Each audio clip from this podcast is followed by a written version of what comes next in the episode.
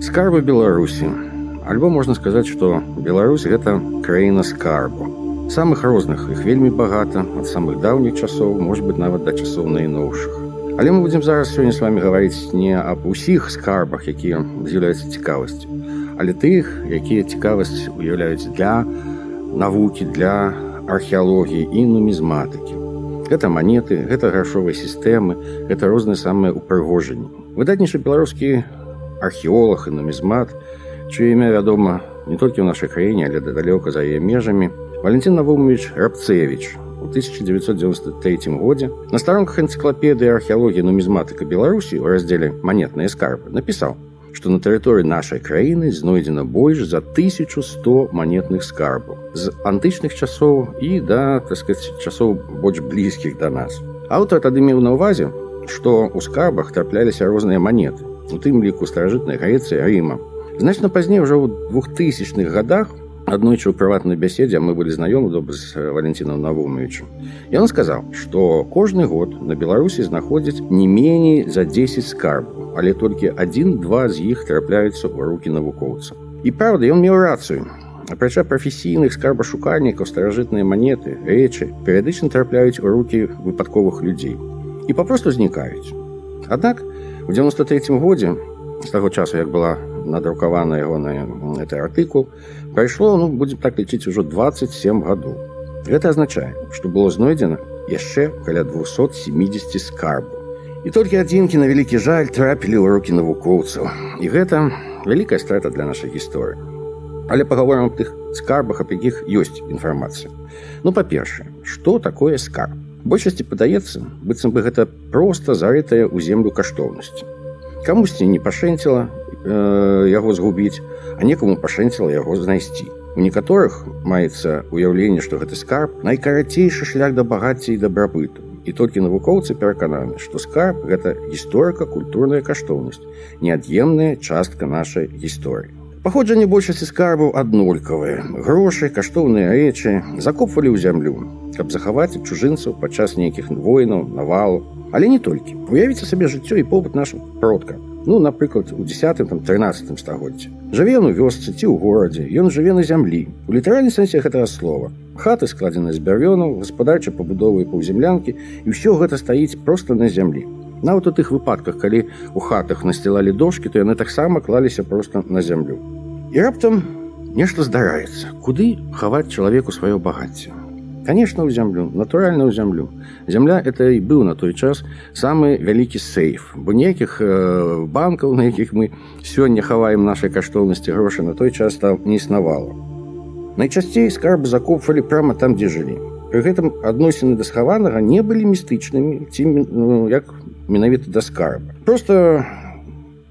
калі чалавеку трэба было штосьці дакласці ён мог у гэтую скарбонку пакласці калі ему трэба было что-небудзь дастаць ён мог з этой скарбонкі дастаць да і скарбонка уласна кажучы была уяўляла сабой альбо нейкі грашэчак альбо э, туісок з бяросты альбо можа быть просто нейкі палатняны мяшочак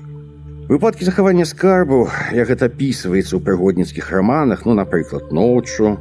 у поўню ад вялікага дуба 100 крокаў на захад 20 крокаў на поўдзень гэта ўсё мастацкая прыдумка безумоўна гэтаксама як і розныя кшталту куфры і куферкі напоўненыя грашыма золотам срэбрам найчасцей каштоўнасцю было не так і багата клалі вот этой грашечкі ў пляценны версты кораб і уласна кажучы потым у наш ужо час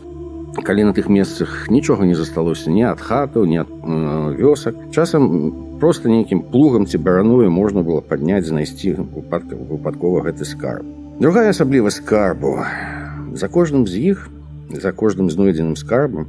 незалежна ад таго якім часам ён датуецца палягае чалавечая трагедыя адзінай прычынай па якой чалавек не вярнуўся да свайго багацця не змог яго дастаць ці перадаць каму-небудзь была ягоная смерць гэта конечно шкада але гэта праўда некаторых выпадках нават і не аднаго чалавека з этого пункту гледжання любы скарб это містычнае судадыкненне з памерлым і іншым светам дзе жыве ягоная душа ёсць іншы аспект некаторых скарб Ну, напрыклад, народнае паданне трывала звязвае скарбы з містычнымі сіламі, ведзьмамі, ведзьмакамі, бабай ягой, нечысцікамі, лешамі, вадзянікамі і падобнымі пачварамі. Лічыцца, што гаспадар скарба, калі захоўвае яе, накладаў на каштоўнасць сваё закляцце, давяраў розным страшылам яго ахоўваць і накладаў праклён на таго, хто яго выкапае і знойдзе. А праклёны, як вядома, часу даўнасці не маюць. Таксама і народных казках і паданнях аб нейкіх скарбах трэба заключыць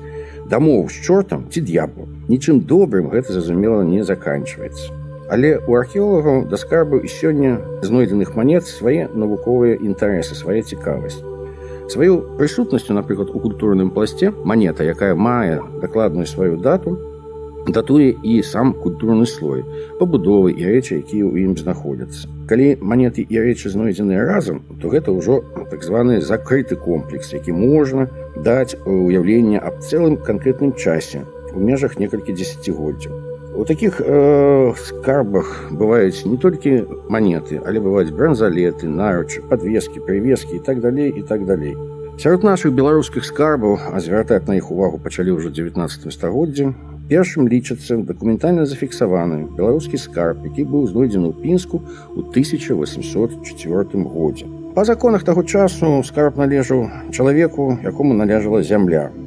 І гэтым разам зямля належала шляхціцу рыдзеўскаму. Маючы нейкі свой інтарэс, незразумела які шляхціц перадаў скарб расійскаму імперату Александру Першу. Сярод яго было 20 манет, Э, князя Владимира Святославича, того самого Владимира, який примусом узяв Полоцкую княжну Рогнеду, византийские намесимы императора Василия II, Константина VII, Романа IV, Никифора, Ваньята и некоторые монеты 10-11 стагоддзя. Самые старажытныя монеты, якія трапляюцца на тэрыторыі нашай краіны, датуюцца першым трэцім стагоддзям новай эры і адносяцца да антычнага часу. Знойдзена больш за две тысячи падобных манет, якія чаткаліся ў асноўным срэбра, але часам трапляюцца і залатыя. Новы час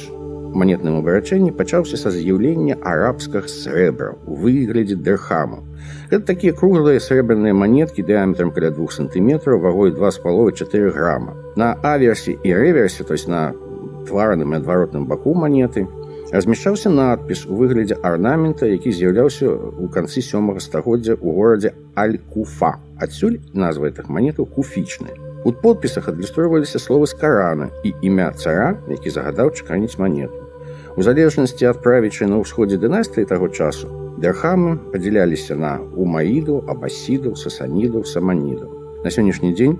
колькасць знойдзеных на беларусі дэрхамаў набліжаецца прыблізна да двух тысяч як паасобна, так і ў скарбах. Аб некаторых з іх можна і распавесці. Вось самы бадай што неверагодны скарб і прынамсі самы вялікі скарб быў знойдзены ў 1973 годзе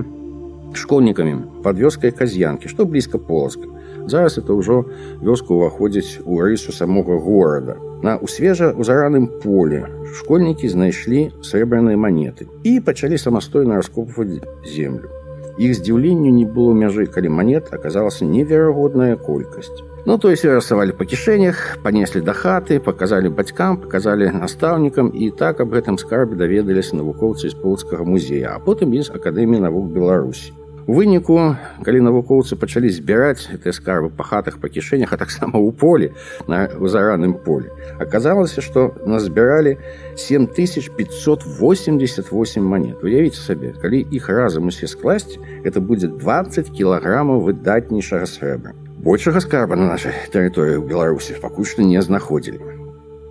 Гэты скарб потым апрацоўваўся навукова. Рабіў гэта Валентин Навумович Рабцевич кожную манетку ён праглядаў усе манеткі расклаў усе манеткі датаваў все манеткі апісаў яны зараз знаходзяцца паасобку у таких невялічкіх пакетиках і захоўваюцца ў полацкім нацыянальным гісторыка-культурным музеі запаведніку і вось тады ж валентин навомович які ну прыблізна падлічыў што эти 20 кілаграммаў срэбра у на ну сённяшні блізкі скажем так курс э, каштуюць каля 10 тысяч даляраў ЗША а на той час на 10 стагоддзе бо большасць манет датуецца мене десятым стагоддзям это ўвогуле была невера неверагодная сума і у сваёй кнізе аб чым расказваюць манеты і у сваёй кнізе нумізматыка беларусі валентин навомович тады напісаў што хутчэй за ўсё это была нейкая рабаўнічая казна што маўляў рабаўнікі э, рабавалі гандляру якія ішлі пад дзвіне а это дальше зусім недалёку ад полацка літаральна там три з паловы кіламетры ад сафійскага сабора але ў такім хітрым вы, выгіне ракі што само месца з полацка ад сафійкі з верхняга замка не бачна і што вот маўляў яны рабавалі гэтых гандляроў і все хавалі хавалі хавалі праз многія гады пасля знаходкі гэтага скарбу калі васпане стаў сам археолагам і пазнаёмімся з валентином навумовичам аднойчы я ему кажу валентин навумович ну як вы сабе уяўляеце каб рабаўнікі ну фактычна ледзьве не на вачах у полацка дакладней полацкага князя дазвалялі сябе рабаваць вот этой вот караваны гандляру Няўжо так сказать князь мог дазволіць такое бо это фактычна грошы якія з арабскага ўсходу прывезены не дайшлі да полацка не дайшлі да князя і да ягонай казны і я прапанаваў сваю версію што хутчэй за ўсё это не рабаўнічая казна хутчэй за ўсё гэта грошы якія самі гандляры хавалі ад князя ну вот уявіць сабе князь збірае даніну даніны гэтай многа гэта футра гэта ежа гэта мёд вот што з гэтай данінай князя рабіць самому есці да не конечно трэба гэта ўсё прадаць а як прадаць трэба аддаць камусьці на рэалізацыю як бы сёння сказаць і хутчэй за ўсё гэта былі свае гандляры які можна было давяраць якія гарантавана потым вярталіся ў полацак і вось лодзі дракары сплаўляліся з гэтым усім багаццем і ў візантыю і дабіраліся да каспійскага мора па волзе а назад вярталіся ўжо злёгку яны везлі сабой ну скажем шаўковыя тканіны везлі з сабой нейкія прысмакі везлі так сказать везлі скажем віно алей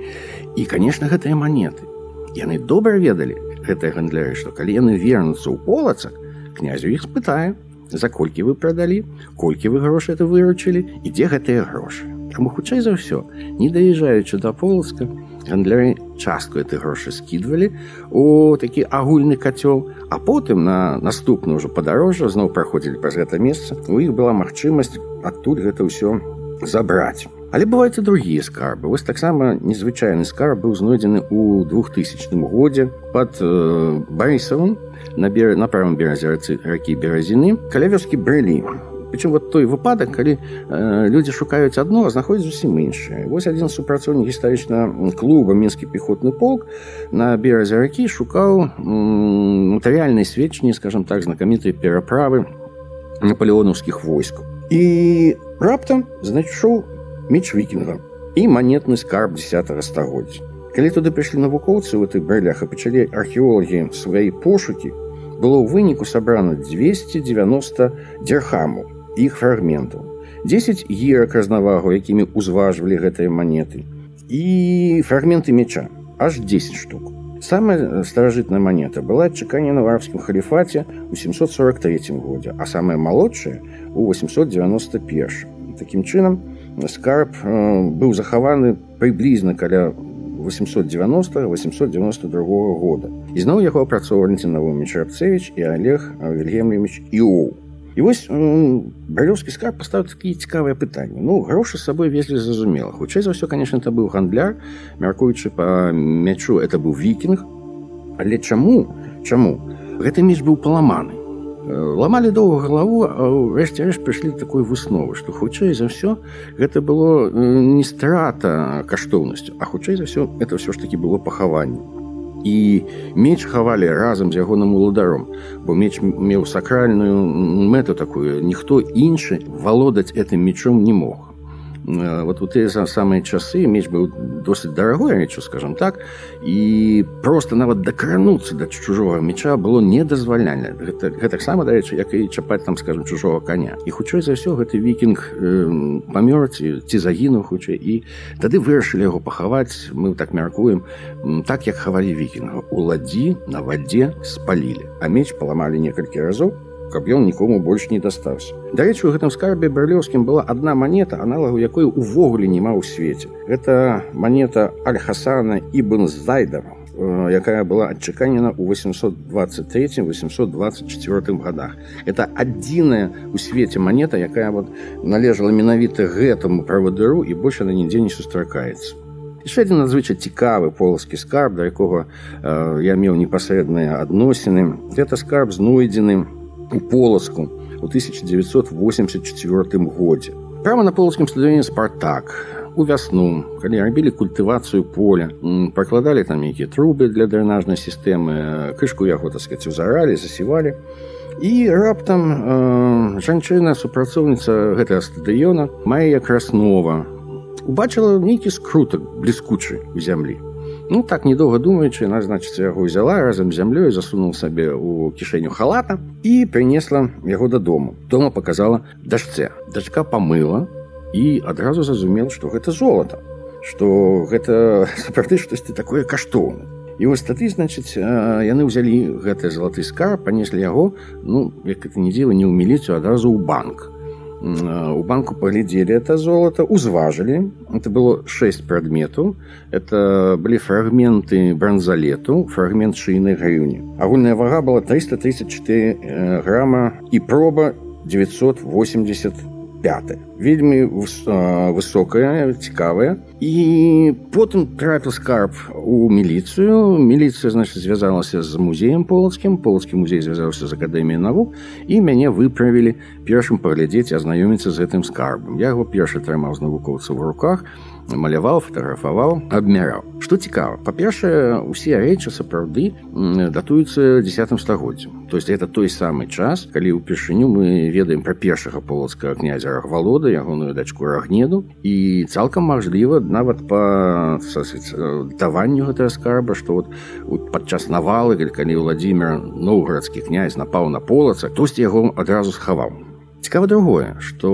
рэчы, якія былі ў гэтым скарбе залатыя, яны не прызначаліся для нашэння, для выкарыстання, для ўпрыгажэння. Яны былі перакручаны, пагнуты, перавернуты, а грыўня нават была проста парэзана. То вынікае толькі адно, што гэта такі залаты лом,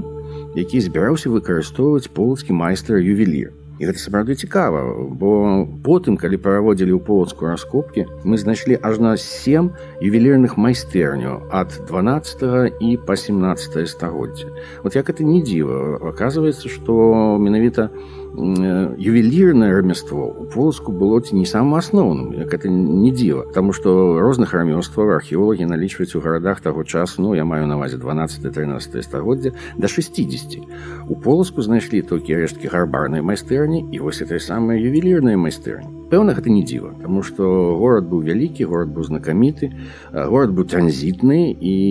верагодна што вырабы гэтых майстраў ювеліру карысталіся попытам Таму не дзіва што калі вот 88 87 годах мы праводзілі раскопкі на полацкім вялікім пасадзе прямо ў цэнтры на плошчы свабоды то ў наш раскоп трапілася цал амаль што цалкам агромністая сядзіба полацкіх ювеліраў 12 пачатку 13 стагоддзя амаль 1100 квадратных квадратных метраў разам з гаспадарчымі пабудовамі майстэрнямі жылымі хатамі агародам с нават са стайняю птушнікам і все гэта быў была сям'я ювеліру якраз той самы час калі лазар богша рабіў крыж для ефрасіні полацкай 1161 года ну я так мяркую што сапраўды магчыма мы трапілі на майстэрню богшы бо на некаторых рэчах э, на костках для гульні на ашкалёпках ад посуду сустракаліся буквы Л і Б. Магчыма, скарочаны лазар бокша. Яго ацанілі і па законах савецкага часу 25% гэтага скарбу выплацілі жанчыне, якая яго знайшла. Я праз некаторы час пацікавіўся у палачану, кажу, а вот што ж яна зрабіла з гэтымі грашыма, якія былі выдаткаваны ёй. Сказалі, што купіла хату, купіла там мэблю, купіла тэлевізор, але з цягам часу ну, жанчына была такая мякка кажучы это простая цягам часу ўсё гэта зноў пайшло паветры ну дакладней ўсё это пролілося калі можна так сказаць не менш цікавыя бываюць скарбы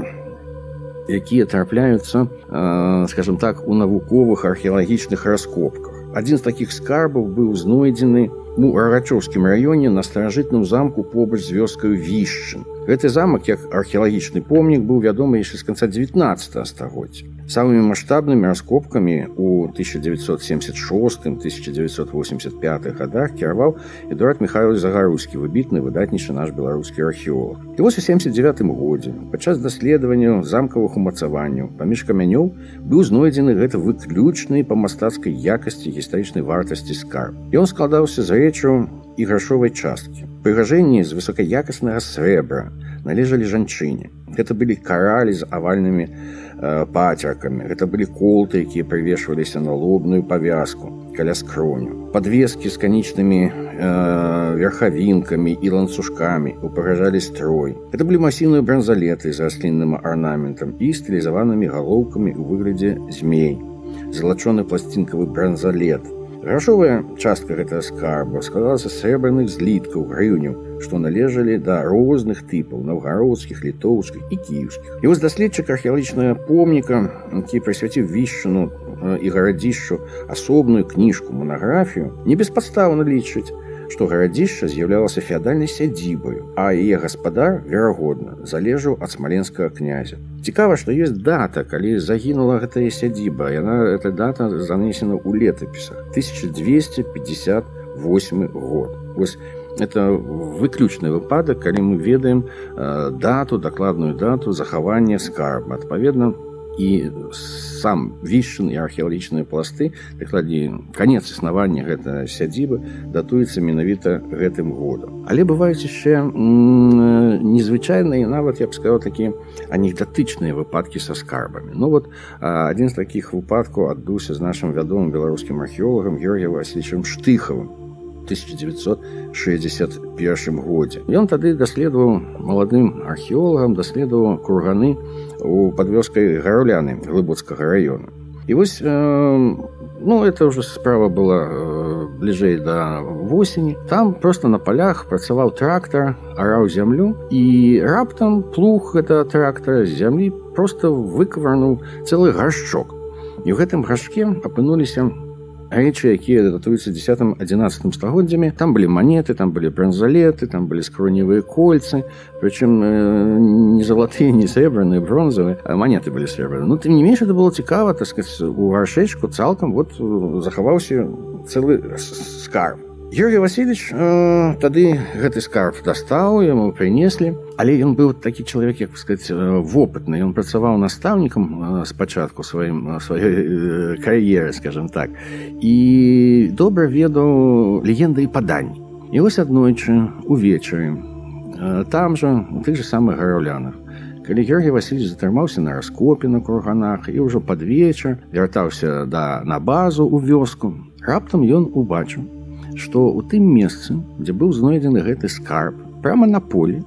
над зямлёю гарыць блакітны агеньчык. А Георгій Васильевич добра ведаў легенды, што маўляў там, дзе захаваны скарбы, там абавязкова ці ў лесе, ці ў поле абавязкова свеціцца альбо блакітныя, альбо зялёненькія агеньчыкі. І вось уявіце сабе на наступны дзень Георгій Васильевич разам з рабочымі землекопамі прыводзіць хлопца ў чыстае поле, і па ўсіх правілах навукі закладае раскоп. У чыстым поле все былі здзіўлены, як навошта. І што вы думаеце, ужо ў другім пласце на глыбіні каля 40 сантиметра раптам знаходзіцца яшчэ адзін грашэчак. І ў ім таксама скарбы, таксама у ім бранзалеты, прывескі, манеты і ўсё цэласці нічто не прапала. Такім чынам два вот гэтыя скарбы гараўлянскія так званыя знойдзеныя побач адзін з другім яны захаваліся яны зараз знаходзяцца ў музеі скарбу нумізматычным музеі у э, на гістарычным факультэце беларускага дзяржаўнага універсітэта вось так скарбы дастаюцца з зямлі на вялікі жаль многія з іх ўзнікаюць з тых часоў 19 стагоддзя калі скарбы пачалі даставаць з зямлі і часцей за ўсё яны траплялі не да навукоўцаў хаця некаторыя з іх былі апісаны а яны траплялі на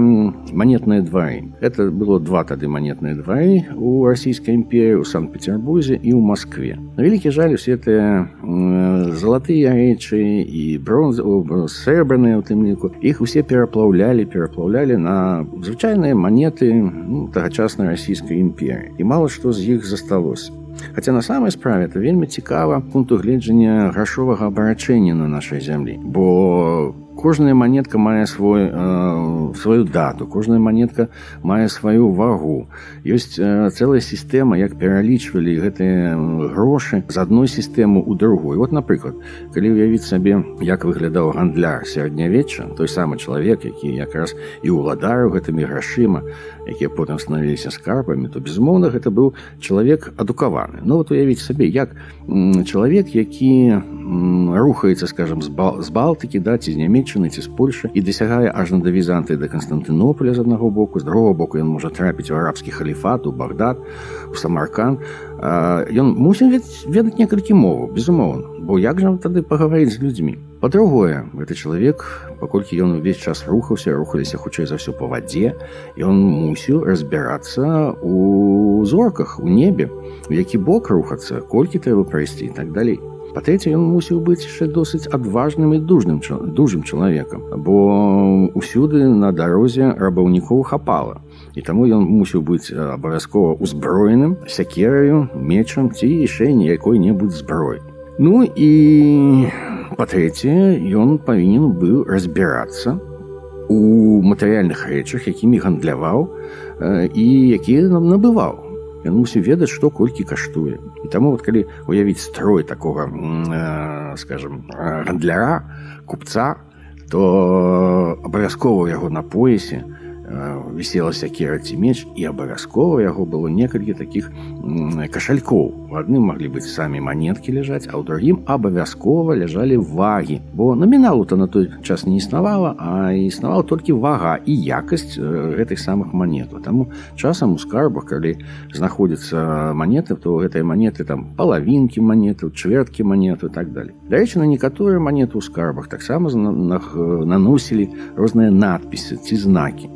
Ну, часцей за ўсё такія знакі яны мелі не столькі сакральную нейкую сэнс, а дзеля таго, каб пазначыць гаспадара ці валадара гэтых э, манетаў. Это тыя, якія з якімі чалавек, ну скажем так, не, не збіраўся развітвацца. І сапраўды такое бывала. Вот калі на лагодчыне у калявёскія збішча былі буйныя земляныя работы, праводзілі дарогу, там раскапалі археолагі да пабудовы цэлую вялікую курганную групу і вось у некаторых курганах знаходзілі манеты але з дзюрачкамі то есть манеты выкарыстоўвалі ў якасці ўпрыгажэння манеты выкарыстоўвалі як каралі якія вешаліся на чалавека это яшчэ адна функцыя гэтых самых манетаў Такім чынам скарбы гэта такая неад'емная частка нашага жыцця. І гэта таму, што Беларусь была транзітнай краінай. Праз нас праходзілі фактычна ўсе гандлёвыя шляхі. І сапраўды вот уздоўж гэтых шляхоў, а шляхамі тады былі рэкі, натуральна. Это ўздоўж дняпра, уздоўж дзвіны, уздоўж прыпяці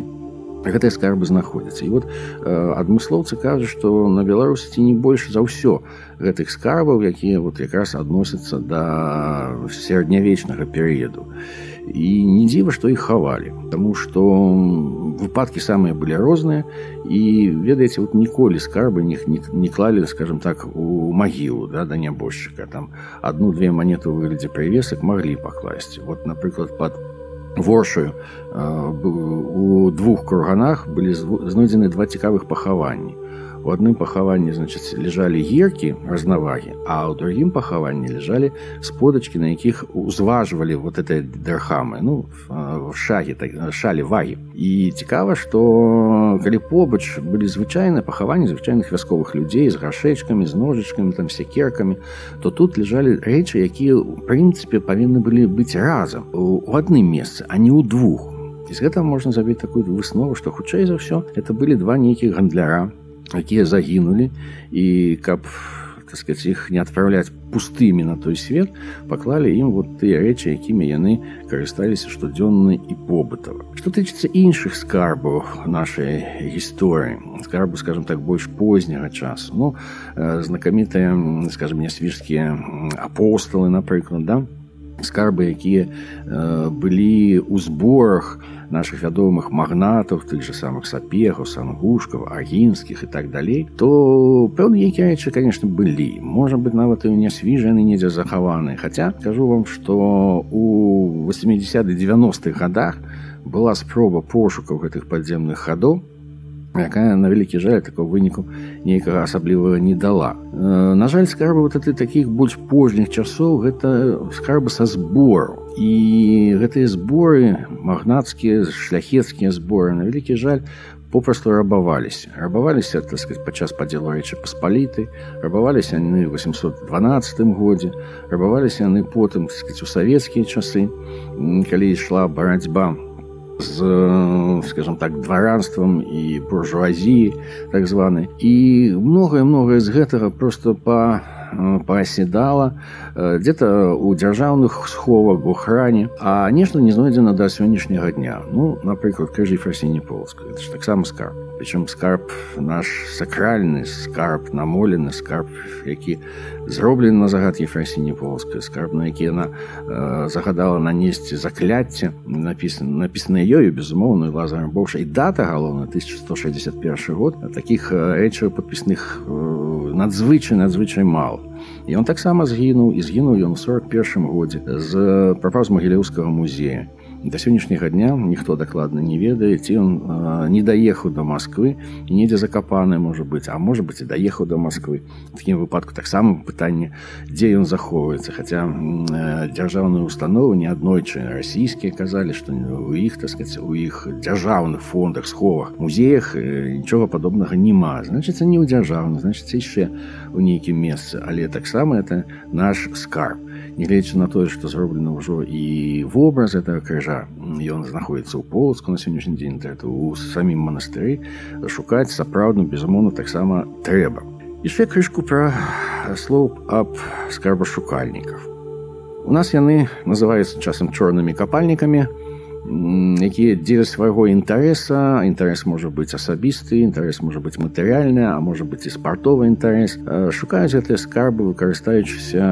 металадэтэктарамі часам можна ўбачыць такіх людзей якія ходзяць по палях і значыць вот маршуць этим металадэтэктарам потым прыпадаюць на калена робяць за капушкі іх некалькі катэгорый гэтых скарбашукальнікаў есть тыя і бадай это найгоршыя на мой погляд як археолага якія ходзяць па археалагічных помніках па археалагічных аб'ектах гісторыка-культурнай каштоўнасці гэтай каштоўнасці знайсці не цяжка дастаткова ўзяць энцыклапедыю археалогія нумізматыка беларусі яны там усе пералічаныя дастаткова взять іншыя кнігі але в такім выпадку калі яны трапляюць і умешваюцца ў культурны слой яны яго парушаюць рэчы якія дастаюцца з зямлі без фіксацыі без прывязкі да іншых прадметаў можа нават самых простых звычайных гаршкоў вот яны адразу губляюць сваю навуковую вартасць яны адразу становятся ну як вам сказаць ну, ну таким своеасаблівым скажем так сказать, ломам а не культурнай каштоўнасцю а парушэнне культурнага слоя это фактычна знішчэнне археалагічнага помніка таму такія працы безумоўна забаронены забаронены зараз сёння ўжо і законам і апрача археолагаў ніхто не мае права такім чынам шукаць скарб другая катэгорыя людзей якія займаюцца 812 годам Ну тут э, пошукі ідуць у тых месцах, дзе праходзіла наполеонаўская і руская армія, прыватнасці на той же самай бярэзіне таких людзей много, но в такім выпадку яны ў некаторым сэнсе часам дапамагаюць вызначыць, якія падраздзяленні, якія войскі, якія месцы праходзілі. Дарэчы, аб гэтым кажуць часцей за ўсё знойдзеныя ў зямлі гузікі, на якіх ёсць пазнакі гэтых самых падраздзяленняў. Трэцяя катэгорыя шукаюць матэрыяльныя сведчанні першай сусветнай войны Ну вы ведаеце што вайна это праходзіла на беларусі тут у нас так сказать былі пазіцыйныя баі у заходняй беларусі в раёне смаргоні возера нарач сярод гэтых людзей найвышшую каш каштоўнасцю уяўляюць скажем так вот знакамітыя нямецкія шышакі афіцэрскія ды і салдацкія таксама ну і розныя іншыя рэчы і четвертая катэгорыя бадай самая небяспечная это тыя хто спрабуюць знаходзіць шукаюць зброю 800 апошняй сусветнай войны другой сусветнай войны ну калісьці сярод іх найкаштоўнейшым скарбам это былі нямецкія медальёны якія сказать, яны знаходзілі разам з нябожчыкамі справа тым што нямецкі медальён у адрозненне ад савецкага медальёна які закладаўся ў такую тубачку невялічку і быў там у сярэдзіне просто паперка скручаная з надпісам хто это і што на нямецкіх медальёнах на металічных медальёнах высекалася так сказать нумар часткі нумар салдата этого і калі чалавек салдат гінуў то медальён ламалі пополам і абедзве гэтыя паловы былі абсалютна люстэркавымі одну палову нябожчыку закладалі ў рот і так яго хавалі а другую перадавалі адпаведныя так сказать часткі вось калі скажем так у 80 70 гады э, знаходзілі такі нямецкі медальён то была мажлівасць знайсці сваякоў э, гэтага загінулага нямецкага ваяра і так сказать прапанаваць ім прыехаць і пабачыць дзе пахаваны ну адпаведна так сказать нейкую суму ўзнагароду за гэта атрымаць але апошнім часам попыт скажем так на гэтыя медальёны моцна упаў Таму што у нямецчыне ды не толькі нямецчыне тут былі і іншыя вайсковыя падраздзяленні ужо вырасла два новых пакалення якія згубілі інтарэс да сваіх продкаў а другое што сапраўды небяспечна это калі гэтыя чорныя капальнікі выкопваюць зямлі зброю это абсалютна забаронена дзяржавы это проці супрацьзаконна і гэта просто просто кажучы небяспечна але ёсць такія людзі якіх таксама адносяць да чорных капальнікаў якія займаюцца этим просто дзеля сваёй сваёй цікавасці для свайго інтарэса яны ходзяць у месцах дзе няма культурнага слоя дзе няма ніякіх курганоў няма паселішчаў няма стаянак і калі яны знаходзяць там скажем манеты 19 стагоддзя там ці пачатку 20 то вот асабіста на мой погляд нічога страшнага тут няма апрача таго гэтыя людзі аматары сапраўды ну, гэта як паляўнічыя як, як рыбаловы што ли калі яны яшчэ супрацоўнічаюць з археолагамі і паказваюць тыя рэчы якія яны знаходзяць і кажуць дзе яны гэта рэчы знаходзяць гэта толькі на карысць і навуцы і іхнаму інтарэсу Таму што большасць з гэтых рэчаў скажем так нейкі матэрыяльнай грашовай вартасці не мае але для навукі скажем калі будзе знойдзена нейкае цікавае месца гэты ну скажем так рэчы не не згубленыя апрача таго тое што знаходіцца скажем так 19 19 стагоддзя і калі можна вызначыць скажем таким чынам месца вёскі месца паселішча на сённяшні дзень гэта ўжо і помнік тому что 100 гадоў дастаткова каб нейкія рэчы ўжо заносіць у катэгорыю помніку вызначаць наносіць іх на карты такім чынам уводзіць у навуковы абарот такім чынам як казаў валентин навуміч рабцевич каля 10 скарбаў штогод знаходзіцца у нас у беларусі шкада што толькі адзін-два трапляюць у руки навукоўцаў і я думаю што гэтыя скарбы па-ранейшаму будуць трапляцца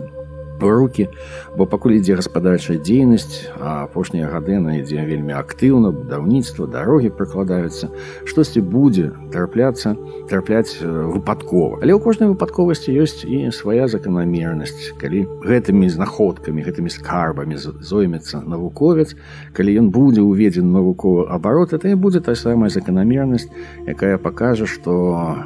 наша краіна заўсёды была цікавая заўсёды было крыху загадкавай і ўсе загадкі і ўсе таямніцы гэтай нашай краіны мы відаць не адкрыем ніколі гэтым ёсць наша надзея